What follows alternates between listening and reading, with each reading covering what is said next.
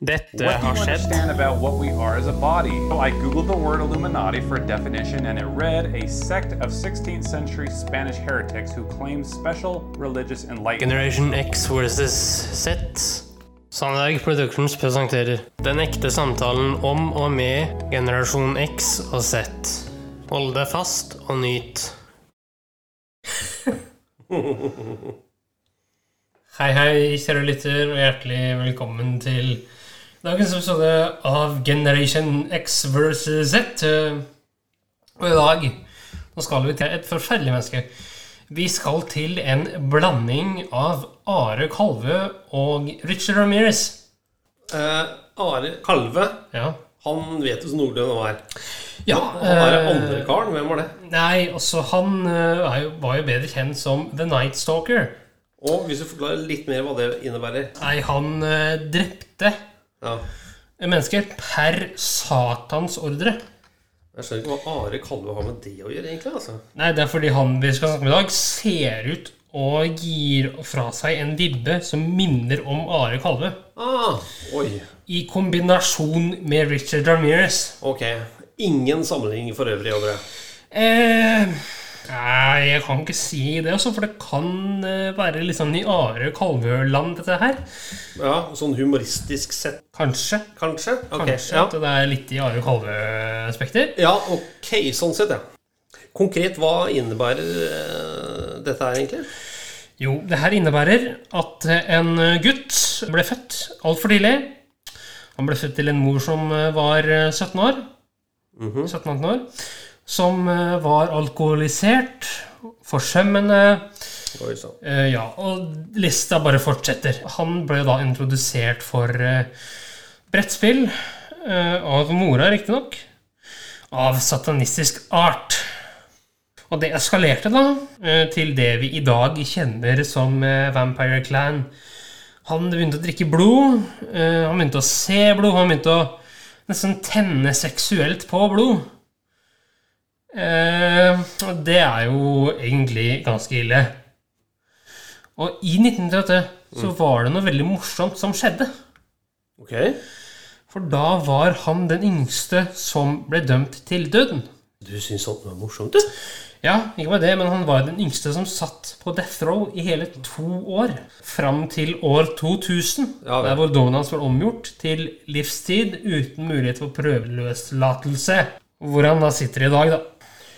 Men eh, hva vil du med historien i dag, gutten min? Nei, i dag så vil jeg informere om at sånne ting faktisk har skjedd, og litt omstendighetene rundt, og hvor fæle mennesker kan bli. Altså hvorvidt en oppvekst som uh, kan være dysfunksjonell, har vært med på å forme mennesker, da. Det er det jeg vil fram til i dag. Jeg vil informere om det. Ja. Oppveksten til han her, da, ja. den var jo Den var trist fra start. Kjør i gang, kjære. Det skal jeg gjøre. Vi skal høre, høre litt historien, da. Ja. eh, I dybden. Kjør på. Eh, Det skal jeg gjøre. New season. Hvordan finner man ut at man er en 500 år gammel vampyr? Og hva skjer med kroppen når man drikker menneskeblod? I dag tar vi for oss vår første vampyrsekt. Du hører på Sektpodden med Caroline Glomnes og Andreas Preus Efskin.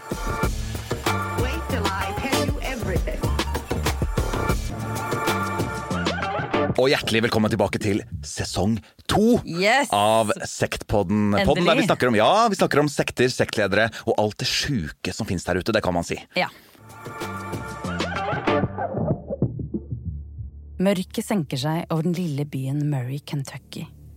To svartkledde tenåringer åpner porten til den forlatte gravplassen. De går målrettet mot den store steinen under det gamle treet. Fullmånen lyser opp gravsteinene og tennene til Rod idet han smiler forventningsfullt mot barberbladet i Jadens hånd. Jaden skjærer tre kutt på den bleke overarmen sin. Og blodet, det pipler fram. Rod smiler, bøyer hodet og drikker. Yes! Åh, Vi skal altså til Murray, Kentucky. ja. Vil du sette på kartet, Andreas? Ja, vi gjør det i denne sesongen også. Det er bra. Uh, Murray, Kentucky. Det er altså, Kentucky er nabostaten til Tennessee, så vi er litt øst, men ca. midt i uh, USA. Ja. Eh, og der hevder altså Rod Ferrell at han er en 500 år gammel vampyr ved navn Versago. Ja. Og han er jo da vår yngste sektleder til nå. Eh, han tiltrakk seg og vervet flere andre tenåringer i det som han kalte for eh, The Vampire Clan. Eh, og hans vampyrfamilie, da. Og det begynte eh, som et slags rollespill, kan man si. Men dessverre så ble det bare drøyere og drøyere. Og i 1998 ble Rod den yngste i USA som er dømt til dødsstraff. Senere så har det blitt endret til 200 år i fengsel. Noe som kanskje ikke er så ille hvis du allerede er 500 år gammel, eller? Nei, det er jo et godt poeng. Du slipper kanskje ut etter 170 år også, pga. god oppførsel. Ja, og så vet jeg ikke hvor lenge du tenker at du skal fortsette å leve. Om 500 år. Altså, jeg vet ikke hvordan vampyrår kontra liksom hundeår. Nei. Nei, hvor, hvor lenge de faktisk lever, ja. Sånn Ja, hvor lenge en vampyr lever. Nei, det er vel udødelig. Ja, de er udødelige. De kan holde på i, i all evighet. Altså, det er Ja. som maneter og øgler og sånn. Ja. Som er sånn Er det ikke sånn at maneter at de kan leve evig hvis de ikke blir spist, eller eh, Er det noen som spiser maneter? Ja, det er vel det. De har vel en funksjon i havet. Men det er mer om det i manetpodden. de- Jeg tror de renser. Ja. Men i hvert fall, kort om denne sekten, eh, så er det jo da en gjeng vampyrer. Stort sett bare unge folk. Eh, De har møter, og de eh, praktiserer vampyrisme. Ja. Eh, Hvis det er et ord. Ja. Så vidt jeg har forstått, så betyr det i hovedsak å drikke hverandres blod og gå kledd i svart. Mm. Eh, Og de ser da på det å drikke hverandres blod som noe hellig. ja. Til tross for at Rod og flere andre medlemmer sitter i fengsel i dag, eh, så lever fortsatt denne sekten i Murray. Og Vi skal se litt på sektlederen Rod, som lagde seg en liten ekstrem utbrytergruppe av vampyrfamilien. For Rod eh, altså Han ble da eh, døpt, eller jeg vet ikke om han ble døpt, men han, eh, han ble navngitt Roderick Justin Farrell, eh, kalt Rod. Eh, og han ble født 28. mars 1980. Moren hans, Sandra, hun var i slutten av tenårene da hun fikk han, og det samme var faren. Og Faren forlot dem da Rod bare var noen uker gammel, og han vokste opp sammen med Sandra og besteforeldrene sine. Gjennom hele oppveksten så flyttet de da mellom Florida og Kentucky. Noe som kan ha vært ganske sånn eh, tøft, tenker jeg også, og det hele tiden måtte skaffe seg nye venner og Ja. Ja. Det høres jo litt, for å være fordomsfull, eh, litt white trash ut, hele greia. Ja, men det, jeg tror du det, det er ikke så langt fra sannheten der, på en måte. Nei. Um, han, Rod var jo da mye sammen med besteforeldrene sine, og det trenger jo ikke være så ille. Men uh, Rod hevder at han som liten gutt ble tatt med og var vitne til at bestefaren, Harold, deltok i satanistiske ritualer der de ofret mennesker og forgrep seg på barn. Dette har ikke blitt bevist, men han hevder også at han selv ble misbrukt av faren. Og noe som hans tante har fortalt at hun også ble av Harold da hun var liten. Så det kan jo være noe sannhet der, men det er som sagt ikke bevist. Men uansett så er det ikke noe tvil om at det, barndommen til Rod, det var ikke noe dans på roser. Rett og slett. Og på 80-tallet eh, så var det veldig mye snakk i media om satanisme eh, og satanistgrupper som skapte ganske mye hysteri eh, blant folk. Ja, det har vi snakket om tidligere også i The Riverfall Ja, Cult. The Satanic Panic. Nettopp.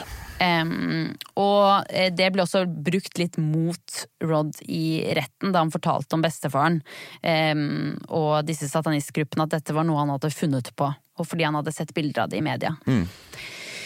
Men Rod han fyller ni år, og Sandra introduserer han for spillet eh, Hvordan sier man det her? Dungeons and Dragons. Ja, nettopp. Det er spilt. Ja, Det var jo selvfølgelig strengt forbudt i Jehovas vitner. Men jeg husker Ja. at vi satt i en kjeller eh, hos en kompis Ja. og spilte dette spillet. Og det er jo, eh, som du sier, et rollespill. Altså Du tar på deg ulike roller i dette spillet, og så er det en som er som game master, som på en måte designer hele spillet. Ja. Og så kaster man terninger, og man liksom slåss mot andre styrker og alt mulig sånn. Ja. Det er ganske gøy, altså. For det er brettspill. Ja, eh, det er et brettspill. Det er ikke et tradisjonelt brettspill. Det er ikke, det er ikke ludo eller hatt over hatt, f.eks. Men det er jo Det går vel inn under eh, kategori ja, rollespill, tror jeg man kaller det. Men det er vel med brett og terninger. og sånn. spiller vel kanskje det i um, eh, Stranger Things også, hvis du har sett den? Ja, det har jeg sett. Uh, Det kan godt hende at de gjør. Uten at jeg kan verifisere verifisere den påstanden.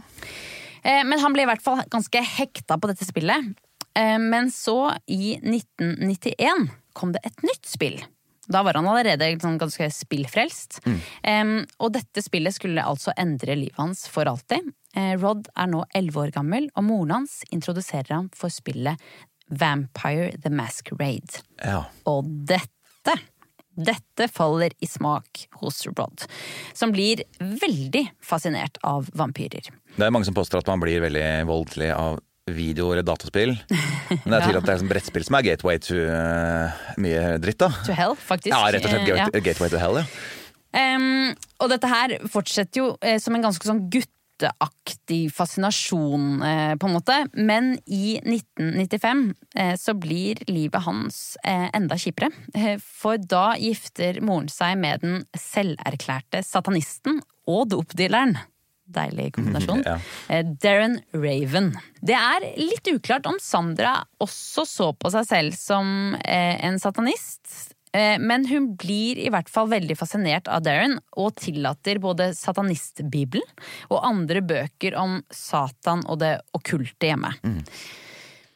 Kort tid etter at Darren flytter inn, begynner Rod å endre seg og blir mer og mer deprimert. Moren eh, til Rod hun hadde allerede store problemer med rus og narkotika, eh, og var visstnok veldig mye borte gjennom hele oppveksten til Rod, og tjente penger også på å selge sex på nattklubber.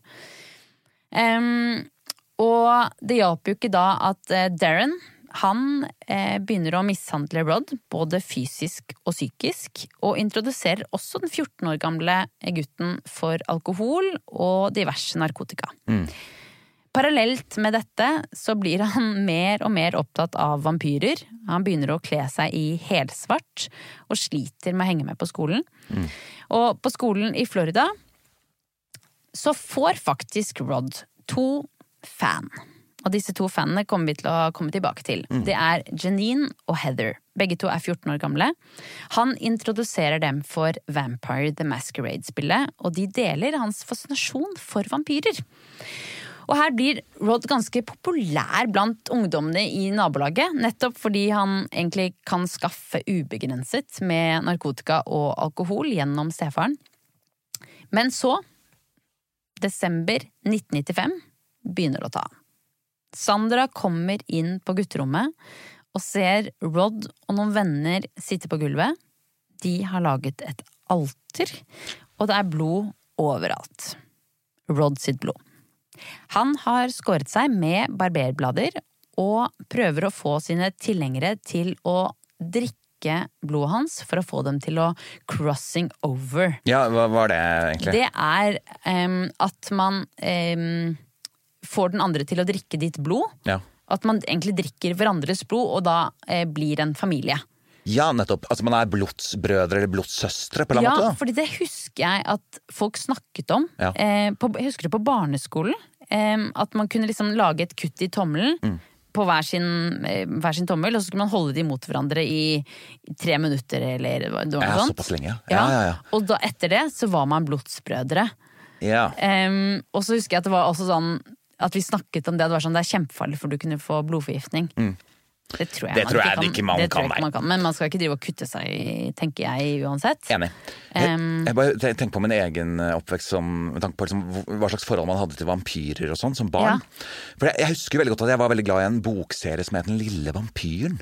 Ja. Har du, kjenner du til det? Ja, den, men ikke sånn Jeg tror ikke jeg leste Jeg tror jeg leste kanskje noe.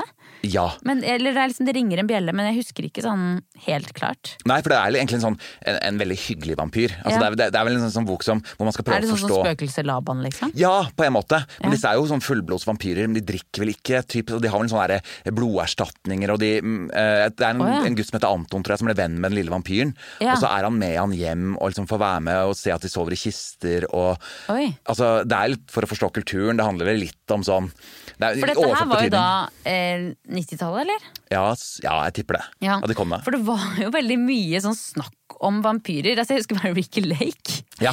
Så sånn derre sånn der, Hun lever som Moren var sånn frustrert. Og så var det sånn Jeg har rett til å De drev og sov i kiste på natta. Nei, nei, det, ja. kiste på dagen og var oppe på natta. Ja. Eh, og prøvde liksom å være mer og mer vampyrer, da. Ja, det det er litt kult å se, fordi av og til så får jo på en måte sånne, den type skapninger, da, eller altså Ja. fiktive skapninger, får en sånn oppsving. Både i liksom, kultur, men også populærkultur. Ja. For, det, for den vampyrbølgen kom jo Men litt senere. Twilight, altså, det var jo mm, 2000 og noe. Når Ja. begynte de, ja? Ja, noe sånt. Ja, Det var på 2000-tallet, i hvert fall. Ja. Men jeg føler liksom at som fra 90-tallet og fram sånn ut på 2000-tallet en gang, så hadde liksom, eh, så, pika på en måte den vampyrinteressen veldig. da. Altså Ja. Kurven for vampyrinteresse var veldig bratt en periode. Ja, men altså, Det er jo litt vanskelig, da. Jeg bare tenker på Sandra her. Mm. Hun eh, har en litt rar gutt. Em, som hun har introdusert for disse brettspillene, noe som hun også på en måte syns er gøy selv. Og hun ser at han bare gnistrer til. Altså, han, han får en Altså, han er endelig opptatt av noe. Um, for første gang i livet sitt, kanskje, da. Mm. Og så Når er det du skal skjønne at dette her, nå har det gått for langt? Ja. når, altså, skal du stå, si at du får ikke lov til å spille mer? Da lager du altså, skyver han bare fra deg, eller? Mm. Det er ikke så lett, da. Nei, og man tenker kanskje også at dette er en fase. Ja. Som mange skal gjennom. Jeg husker liksom, Det er mange jeg kjenner som har vært innom en sånn goterfase, Ja. eksempel, som er litt i samme gate, på en eller annen måte. Ja. Hvor man kler seg svart. Det varer kanskje sånn et års tid, og så er man tilbake igjen til en helt annen stil etter det. Ja. Det kan være at hun tenkte sånn, Ja. men nei, det gjorde altså det, sånn var det jo ikke. Nei, man, man bør kanskje kan, Det er liksom noen varsellamper når han skjærer seg og prøver å få andre til å drikke blodet. Ja. Da, da har det kanskje gått da, har det, ja, da bør man kanskje ta noen grep. Enig. Tenker jeg. Men han flytter, ja, ja som sagt, um, mye frem og tilbake mellom Florida og Kentucky. Eh, men etter at moren gifter seg med Darren, så tar det ikke lang tid før de forlater han i Murray eh, hos besteforeldrene, og de flytter til Michigan. Ja. Rod han gjenopptar da kontakten med noen av barndomsvennene sine, eh, Scott Anderson og Matt Goodman. Og de blir raskt involvert i en gruppe da gotere, eh, ledet av den 17 år gamle Jaden Murphy. Og Jaden han går under navnet The Prince of the City. Han er ekspert Hva? Jeg bare ler av det er så kleint å kalle navn. The Prince of the Ja, City? ja. Ja, som, jeg, vi skal poste noen bilder av han også på Du må se bildet av, av Jaden også. ja, veldig gjerne. Um, han har en selvtillit. Ja, det tror jeg på. ja, Når du han- kaller deg selv det. The Prince of the City, ja. Men han, han er i dag ekspert på vampyrer og leder for denne gruppa. Um, og denne gruppa den heter da The Vampire Clan. Eller Clan. Um, og de spiller veldig mye rollespillet uh, Vampire the Masquerade. Eh, og dette faller jo som selvfølgelig i smak hos Rod, eh, som endelig har funnet sin plass og en familie. Eh, tilhørighet. For Rod blir med i gruppa, og der samler de seg med forskjellige vampyrpersonligheter, da. Eller roller. Og mange av disse ungdommene de kommer fra ganske trøblete hjem og har bagasje med selvskading og sånt. Og på dette tidspunktet så har også Rod eh, opparbeidet seg et ganske stort forbruk av narkotika. Um, I tillegg til marihuana så tar han blant annet LSD, amfetamin og heroin. Ja, såpass. Det er sterkt, altså. Ja, og jeg Heroin. tenker kombinasjon rollespill og narkotika er veldig dårlig. Ja, men det stemmer på en eller annen måte også, føler jeg. Uh... Nei, men det, det, det tror jeg ikke. ja, kanskje ikke, men uh... Jeg tror, altså jeg må bare si sånn, de som er eh, nå vet, Jeg har ikke helt alle disse begrepene eh, på plass, men eh, eh, rolles, altså rollespill em, og livere Ja. jeg, altså, jeg, jeg vet ikke forskjell på det. Nei, jeg tror at livere de eh, er jo ofte Altså, de setter jo opp ting i skogen og sånn. Altså, altså at man, Ja. Det kan jo være alt fra sant? I USA så har man jo også gjenskaper man slag, for eksempel. Altså Ja. krigs... Eh, altså kriger, rett og slett. For jeg syns jo det høres gøy ut. Altså sånn, Ja. Jeg vil ikke være med på det, og jeg må innrømme at jeg syns det er ganske nerd. Ja. men, men, men allikevel så går jeg med en sånn stille beundring. Jeg så en, jeg så en mann eh, her i sommer. Eh, satt og ventet med skjoldet og sverdet sitt under et tre på Sankthanshaugen. Ja. Eh, så ventet han på en kompis, da. Eh, og det var ikke noe, var ikke noe, liksom, noe skam eller ja, jeg driver og later som at jeg, jeg le, er en voksen mann som skal lekeslåss. Um, men det syns jeg det, altså, det står veldig respekt av. Ja, det, det er jo litt Jeg hadde ikke turt det selv, da. Nei, jeg også hadde tenkt at dette er for kleint. Eh, Dette, jeg hadde kjent veldig på det, å være en karakter på en måte. Og, Ja. Men, eh, for det er jo litt som et, interakt, et interaktivt spel, på en eller annen måte. Ja. Ofte, Man setter jo opp enten historiske slag, eller så finner man på ting Litt sånn selv også. flashmob, eh, bare Ja, eh, ja, kanskje litt sånn flashmob-aktig. Men, men eh, man tar jo utgangspunkt ofte også i Ringenes herre, eksempel. Ja, At man ja. er karakterer fra Ringenes Og det høres jo gøy ut. Ja, altså, jeg har veldig respekt for det, på en måte, men jeg kunne aldri klart det selv. Nei. Det er jo bunnlinja i det. Altså, jeg, Å stå der i trollmannskostyme, på en måte. Og liksom kaste sånn spells på folk, eller eh, liksom bli drept og liksom spille død og sånn. Sofienbergparken ser jeg for meg deg gå Ja, med spiss hatt og stor stav, liksom. Ja, det er jo kjempevanskelig å, å være med på. Men, jeg, har, men som sagt, jeg, har, jeg skjønner appellen på en eller annen måte. Ja, jeg det må jeg innrømme. Altså. jo altså, Kanskje vi egentlig er veldig misunnelige. Ja. Så det er jo en frihet, en frihet. de har som, som jeg aldri kommer til å få. Nei, eller eller- prøve å skaffe meg. Eller de som er bronies, da. Hva er det? Nei, det, det er de som er eh, altså, ofte, Det er en gjeng voksne menn som er veldig opptatt av My Little Pony. Men er det seriøst? Ja, ja. liksom? ja. Og det er blodseriøst. Oh, ja. Man kødder ikke med det, tror jeg. Altså, det er Nei. virkelig sånn eh, Og de også gir faen i alle mulige Ja. Altså, eh, Om de blir dømt, eller om liksom folk ser rart på dem, så er jo Nei, vi er liksom Vi, er, vi spiller hester. Vi er Ja. Det er en fandom, da, på en måte. Ok, Mm. ja. Ja, um, i hvert fall. Tilbake til Jaden. Den 17 år gamle lederen. Han verver som sagt Rod inn. Og det, eh, dette liksom ritualet det skjer da ved at de går til en gammel kirkegård, og under et spesielt tre ved en stein. Der eh, skjærer Jaden seg eh, i, på overarmen med barberblad og lar da Rod drikke blodet hans. Og etter dette så skjærer Rod seg og lar Jaden få drikke. Vet, vet du noe om måte, det visuelle her? Hvordan de så ut? Var det typ sånn, Filte de tennene og sånn? Vet du noe om det? Mm, Jeg tror ikke de filte tenner. Nei. Men eh, tennene til Rod er ganske sånn Jeg har sett på tennene til Rod. Um, og det er jo det er ikke så god tannhygiene Eller det er dyrt med tannlege i USA. Mm. Til hans forsvar. Eh, så det, det ser ikke så bra ut, på en måte. Nei, jeg skjønner. For, Men jeg tror ikke de, de bet jo ikke noen.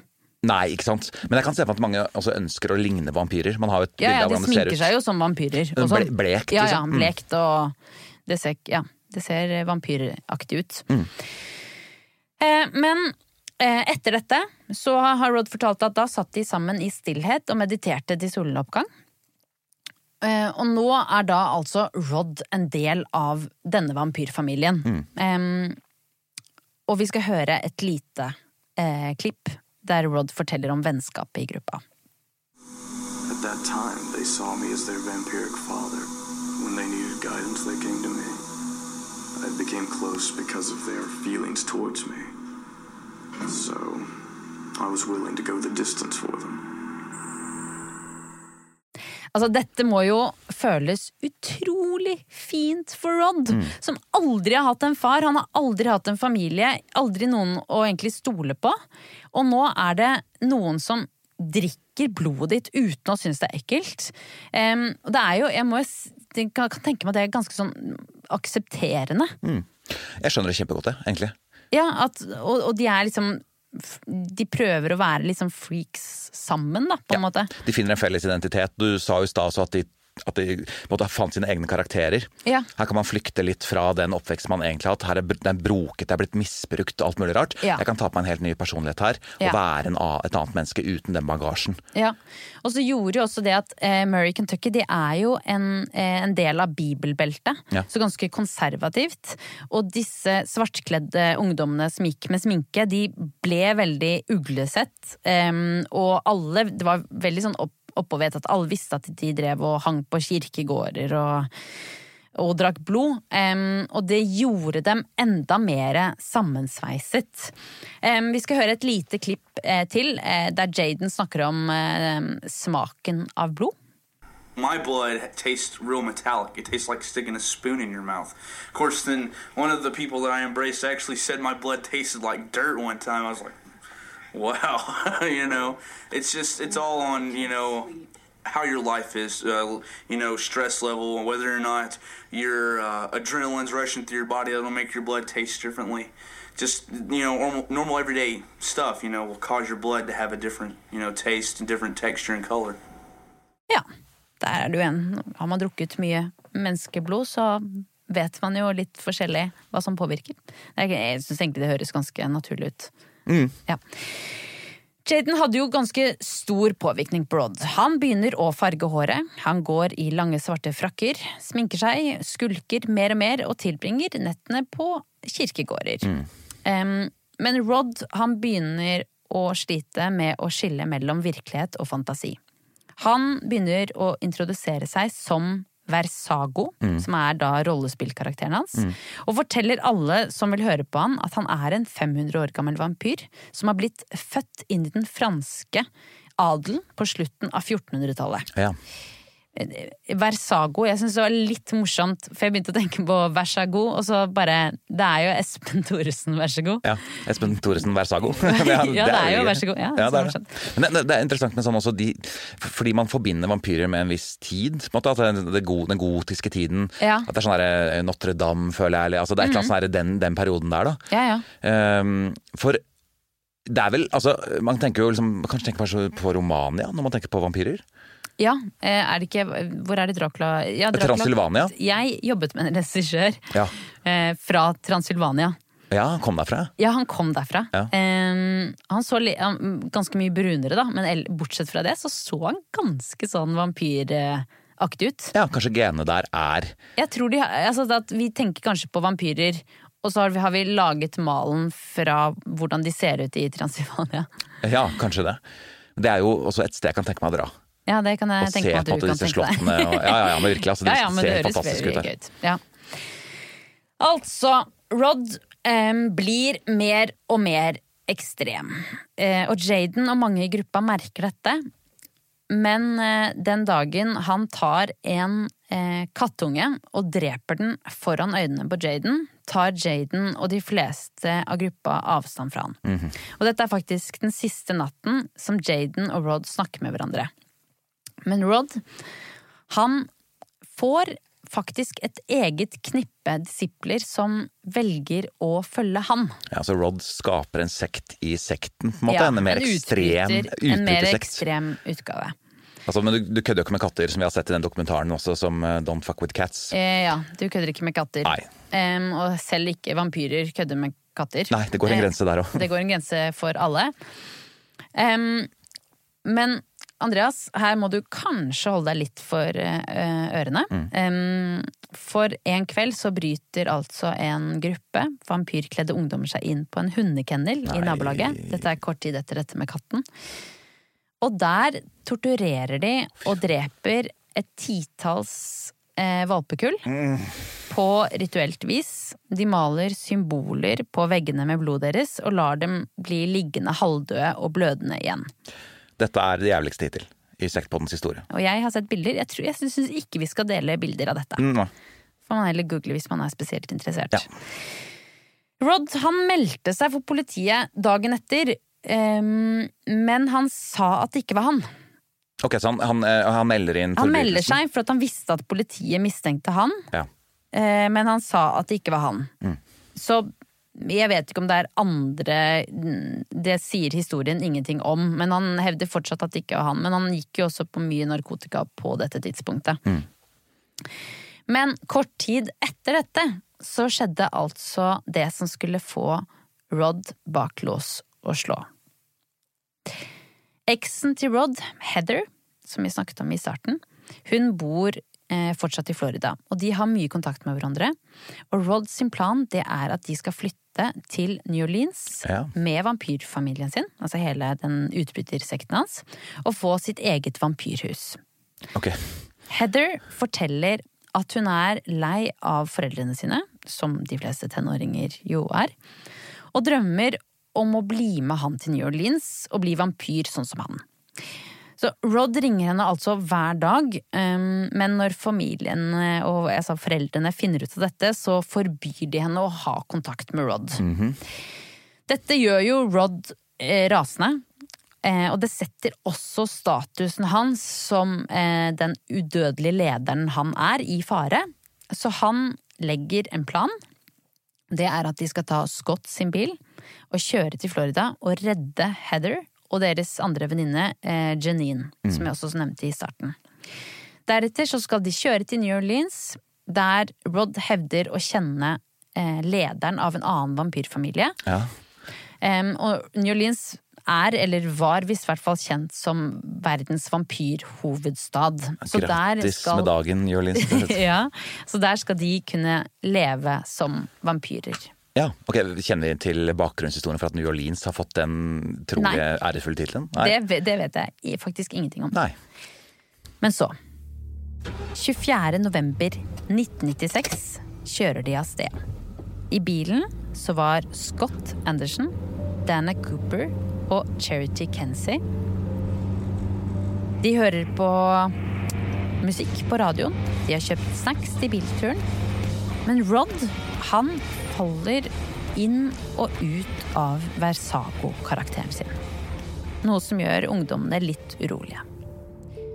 Det er ettermiddag i Houston, Florida, og Heather har kommet hjem fra skolen. Plutselig så står Rod utenfor døren hennes med langt, svart hår og svart kappe. Det var ikke sånn han så ut sist hun møtte han. Han forteller at de har kjørt hele veien for å ta henne med til New Orleans, men først skal han gjøre henne om til vampyr. Heather blir med dem til nærmeste gravplass, og Heather lurer på om han virkelig tror at foreldrene hennes vil la henne dra. Men Rod sier at det skal hun ikke uroe seg for, han må sikkert drepe dem. Heather og de andre tror han tuller. Men senere samme kveld parkerer de bilen et stykke unna Heather sitt hus. Heather har pakket en bag med tingene sine og klarer å snike seg ut. Men det viser seg at de har problemer med bilen som er punktert.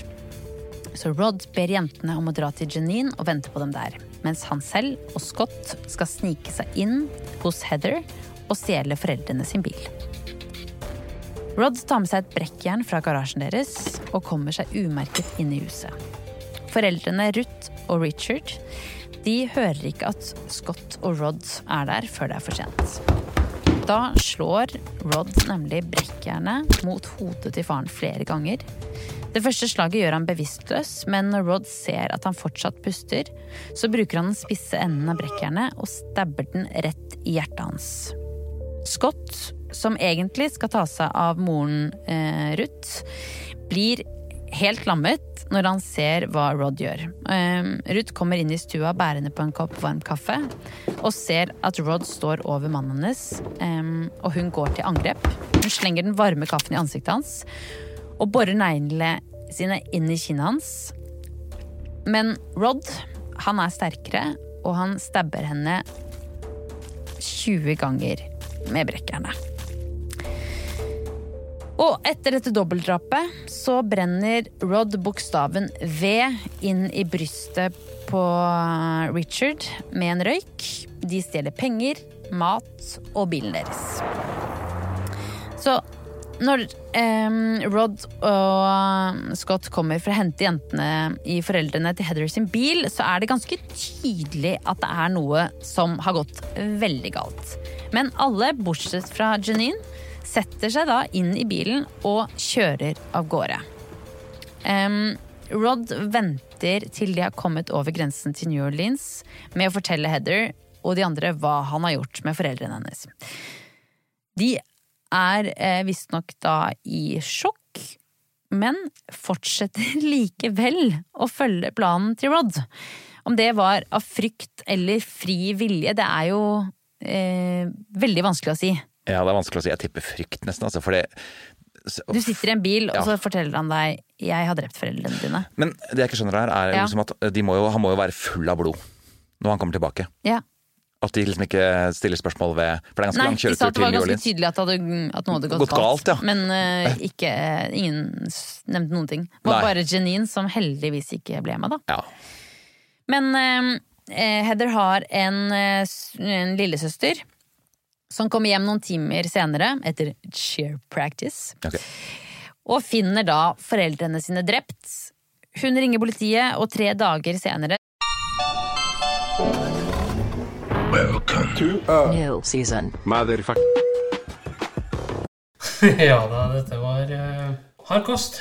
Hard kost. Det er jo galskapen lenge leve, eller? Ja da, vi skal jo høre noe da fra en rettssak Ja. holdt i slutten av november 2019. Ja. Hvor han eh, Rod Ferrell får møte faren sin for første gang. Ok.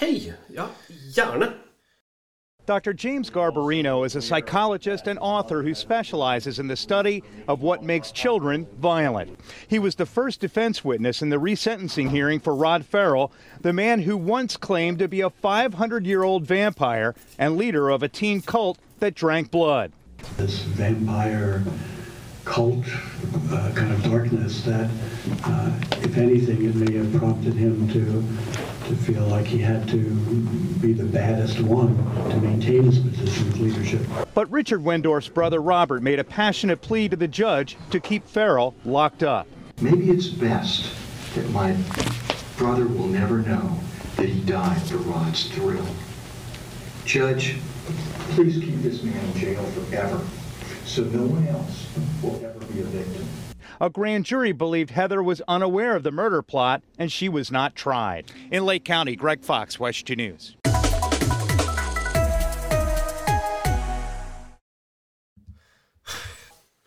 Ja, det, Det er, det, er, det er jo en eh, stor tragedie, hele greia, egentlig. Ja, og det her var jo en nyhetsreportasje, ikke sant? Ja.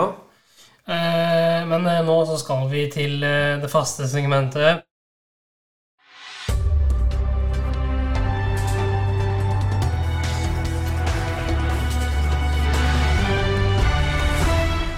NRK-hjørnet.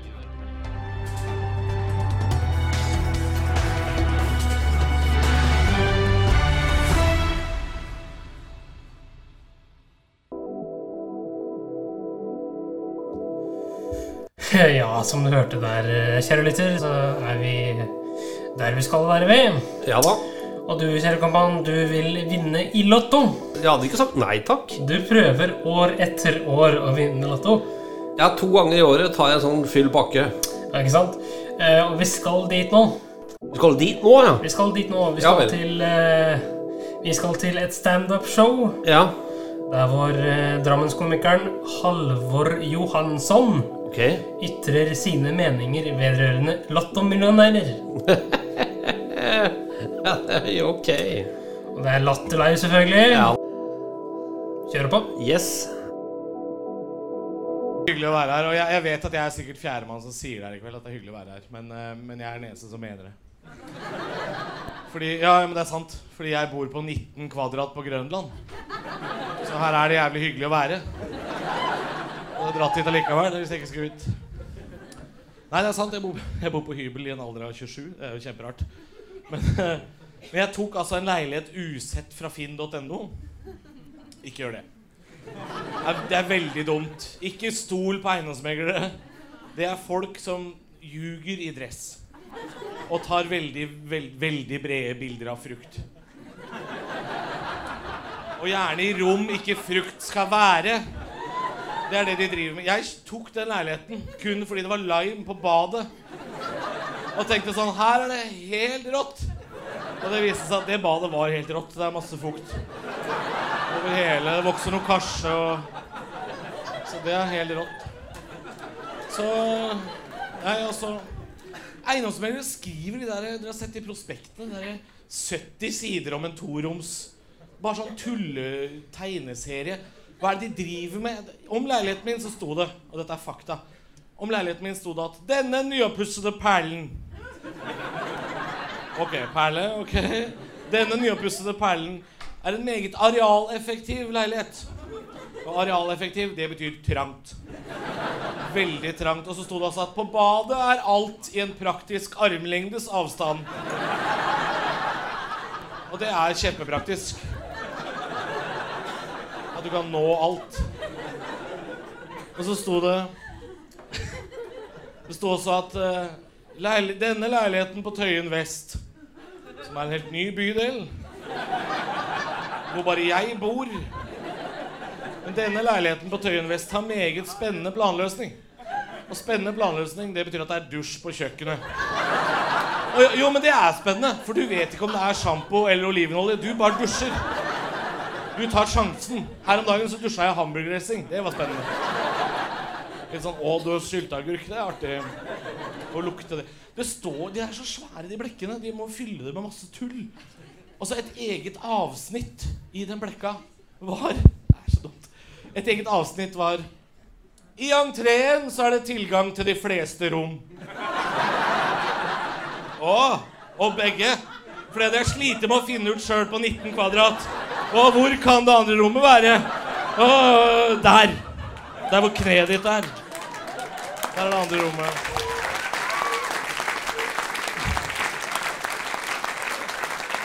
De er så ljuget, ass. Det...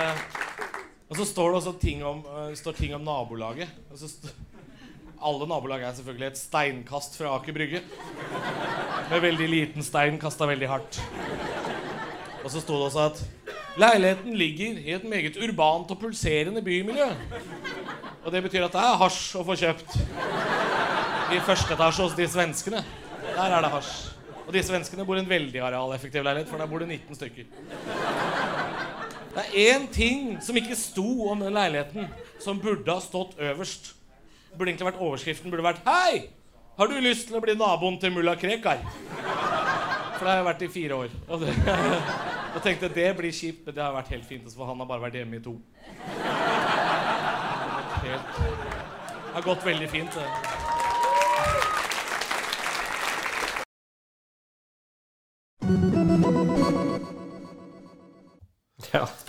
Ja det var eh, litt om eiendomsmeglere, det. Ja da. Ikke lottomillionærer, som jeg sa i begynnelsen. Nei, men eh, det er jo drømmen om eh, noe annet enn det man har, kanskje. Tja, det kan man trygt si. Men Henrik, det har vært en Det begynte helt rått, men avslutta som vi alltid gjør, egentlig. Med litt humoristisk og et smil om munnen. Ja, ikke sant? Og, Og neste uke kjører kampen. Ja. Kan ikke du bare si litt om eh, hva lytteren har på, i vente da? Jo Eh, Da håper jeg at lytterne tar seg imot av å lytte til eh, alternativer for litt eldre mennesker eh, og havne på gamlehjem. Men her skal vi danne en gang. Eh, Vi skal pulsere verden. Vi skal pulsere eh, livet. Vi skal pulsere eh, politikerne, slik at de får romstert litt. Og vi skal være ugange. Eh, Det bærer jo sin blomst hos en gjeng engelske ransmenn. Det gjør det. Jeg ble liksom inspirert av eh, The Grandpa Gang, som var litt sånn smågærne, som rana Ja, så de, de foretok et skikkelig godt ran, da. Ja, det var jo da det største ranet i engelsk historie, uten å si for mye. Ja da, det er det. Men jeg har ikke lyst til å dra det så langt, da. Men jeg kunne godt tenkt meg som en eh, litt eh, Kall det en eldre junior. At jeg har lyst til at eh, min generasjon Vi må liksom stå opp litt og være litt sånn Om ikke vi skal gjøre noe kriminelt, så bør vi iallfall være litt sånn aktive og pulserende. Men ikke minst også være litt sånn upolitisk korrekte. Sivil ulydighet. Ja, og du må jo da ta for deg eh, det dere skal eh, kopiere fra, mer eller mindre. Ja da. Vi må, vi må gjøre noe ugagn. Vi må sette ting på, på dagsorden. Men du skal vel også snakke litt om uh, skal du ikke det? Jo da, jeg skal gjøre det. Men eh, hovedparolen er eh, vi må gjøre noe istedenfor gamlehjem. Ja, ikke sant? Eh, Og her kommer jo Glampa-gangen i bildet, for dem er jo i den alderen alle sammen. Hvor de er på gamlehjem, men de bestemmer seg for å rane en bank. Ja. Eh, så eh, du skal vel også snakke litt om det, kanskje? Ja da, vi eh, trekker oss inn i, eh, i debatten her, ja. Ja da, her er det åpen for debatt. Ja. Og jeg vil nok en gang at det skal koke over i eh, kommentarfelter, i innbokser. Ja, jeg vil det skal koke over overalt. Eh, Jeg kan også legge ut det mugshotet til Rod Ferrell. Gjerne. Sånn at man kan se uh, Are Kalvø-aspektet ved det hele. Gjør det. For han var jo, eh, som jeg sa innledningsvis, uh, Are Kalvø slash Richard Ramirez. Uh, Og han ser jo ut som Are Kalvø også, Ok. til en viss grad. Okay. Så ja, en ung Are Kalvø. Ok. Men uh, tusen takk for noe, Henrik. Og jeg gleder meg til eh, neste pod. På gjensyn neste uke, lytter. Tusen takk for at du fulgte oss. Gi gjerne tilbakemelding, likes eller kommentar på Facebook-siden vår Generation X versus Z. Velkommen igjen til neste podkastepisode. Hei då!